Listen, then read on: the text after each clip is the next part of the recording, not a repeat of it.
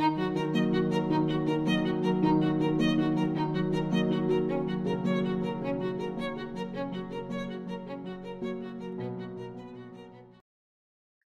witajcie. Z tej strony Staszem Roszczak i mam przyjemność zaprosić Was na kolejny odcinek skrótu sejmowego Fundacji Edukacji Obywatelskiej. Podcastu, w którym relacjonujemy przebieg sesji sejmowych oraz opisujemy najważniejsze sejmowe debaty i akty prawne. Dziś omówimy 52. posiedzenie Sejmu, które odbyło się na początku kwietnia. W dalszym ciągu debata odbywała się przede wszystkim w cieniu rosyjskiej inwazji na Ukrainę, więc najwięcej uwagi przyciągały kwestie bezpieczeństwa i obronności. Poza tym, parlamentarzyści dyskutowali na tematy egzaminów ósmoklasistów i maturzystów, Trybunału Konstytucyjnego i działań rządów Unii Europejskiej. Zapraszam do wysłuchania. Jednym z najważniejszych aktów uchwalonych na minionym posiedzeniu jest ustawa o szczególnych rozwiązaniach w zakresie przeciwdziałania wspieraniu agresji na Ukrainę. Jest ona reakcją rządu na sytuację za wschodnią granicą. Przyjęto szereg rozwiązań, które mają na celu zmianę przepisów dotyczących stosowania sankcji wobec Federacji Rosyjskiej oraz Białorusi, tak zwanego mrożenia majątków oligarchów. Sankcje nakładane są na osoby, które dysponują środkami finansowymi, funduszami oraz zasobami gospodarczymi bezpośrednio lub pośrednio wspierają inwazję Rosji na Ukrainę i łamanie praw człowieka w Rosji i na Białorusi. Ustawa przewiduje wprowadzenie sankcji na import rosyjskich surowców energetycznych, głównie węgla. W efekcie odcięte zostanie jedno ze źródeł finansowania zbrodniczej polityki Putina. W trakcie debaty Grzegorz Braun wyraził opinię, iż one, sankcje, działają, ale przeciwko Polsce. W praktyce poseł Konfederacji przedłożył polskie interesy ekonomiczne ponad życie obywateli Ukrainy. Za przyjęciem ustawy było 445 posłów. Wszyscy posłowie Konfederacji wstrzymali się od głosu. Ustawa została przekazana do prac w Senacie.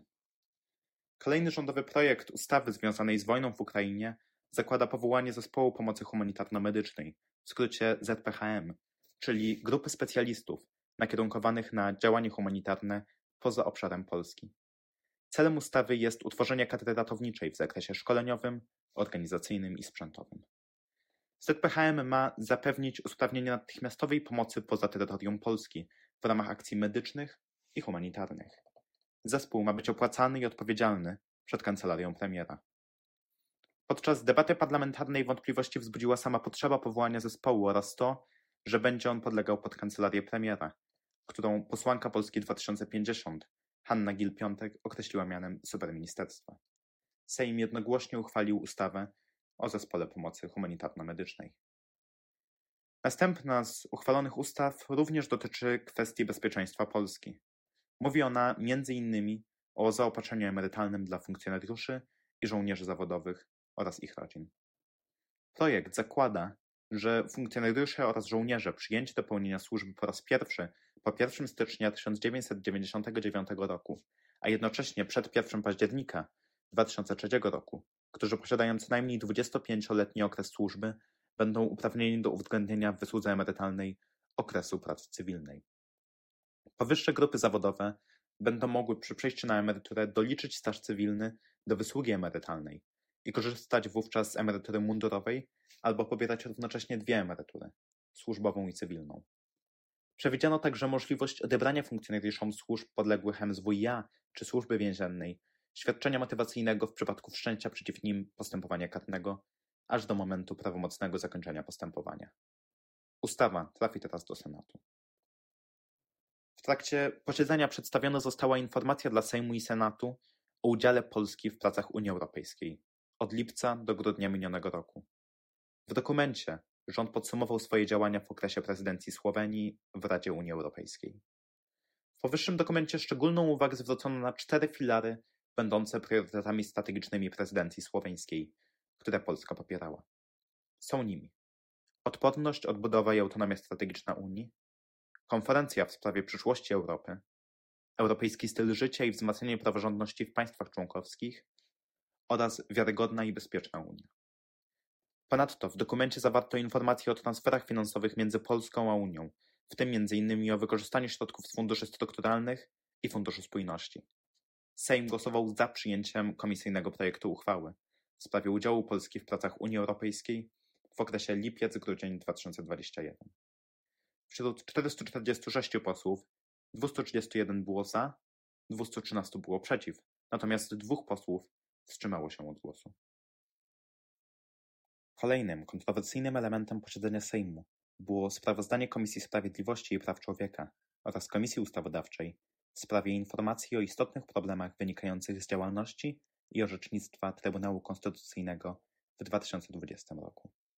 Komisje zapoznały się z informacją i przeprowadzona została dyskusja. W 2020 roku Trybunał uznał, że najważniejszymi kwestiami były m.in. nakaz ochrony życia i związany z tym niesławny wyrok w sprawie aborcji z października 2020 roku, zakaz poniżającego traktowania i karania oraz ochrona życia prywatnego i autonomii informacyjnej i ochrona sądowa praw, w tym dostępu do sądu i prawa do sprawiedliwego wyroku.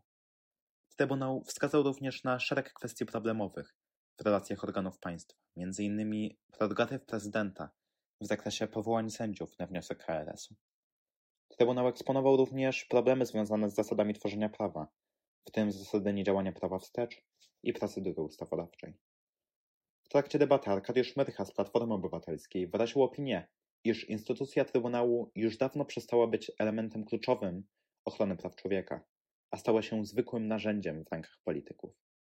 Na dyskusji podczas posiedzenia Sejmu nie była obecna prezes Trybunału Julia Przyłębska, ani żadna osoba uprawniona do reprezentowania organu.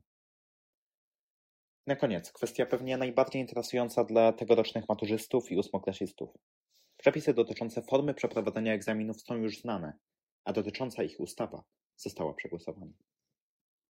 Projekt jest wynikiem tego, że uczniowie dużą część swojej edukacji realizowali w warunkach stanu epidemii, przy wykorzystaniu metod i technik kształcenia na odległość.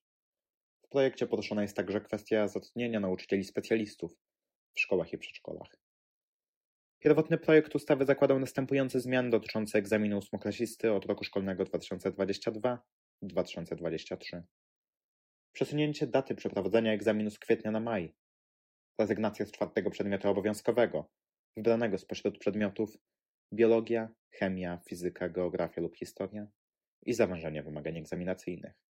Proponowane zmiany dotyczące egzaminu maturalnego od roku szkolnego 2022-2023 to z kolei rezygnacja z obowiązku uzyskania co najmniej 30% punktów z jednego przedmiotu dodatkowego dla absolwenta szkoły ponadpodstawowej.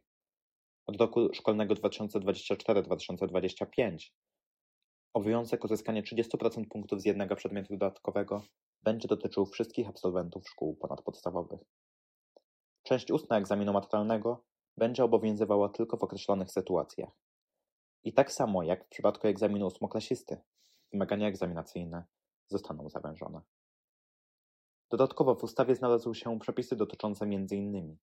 zatrudnienia w szkołach i przedszkolach nauczycieli specjalistów ze względu na obniżający się stan psychofizyczny uczniów oraz możliwość powołania przez ministra właściwego do spraw oświaty i wychowania zespołów doradczych lub ekspertów w celu przedstawienia opinii lub ekspertyzy na potrzeby tego ministra. Ustawa, za którą zagłosowała znacząca większość osób poselskich, została przekazana do Senatu. I to już wszystko na dzisiejszy odcinek skrótu sejmowego. Zapraszamy na kolejne odcinki podcastu oraz nasze profile social media, gdzie czekają na Was bieżące informacje dotyczące życia społeczno-politycznego Polski. Dziękuję za wysłuchanie.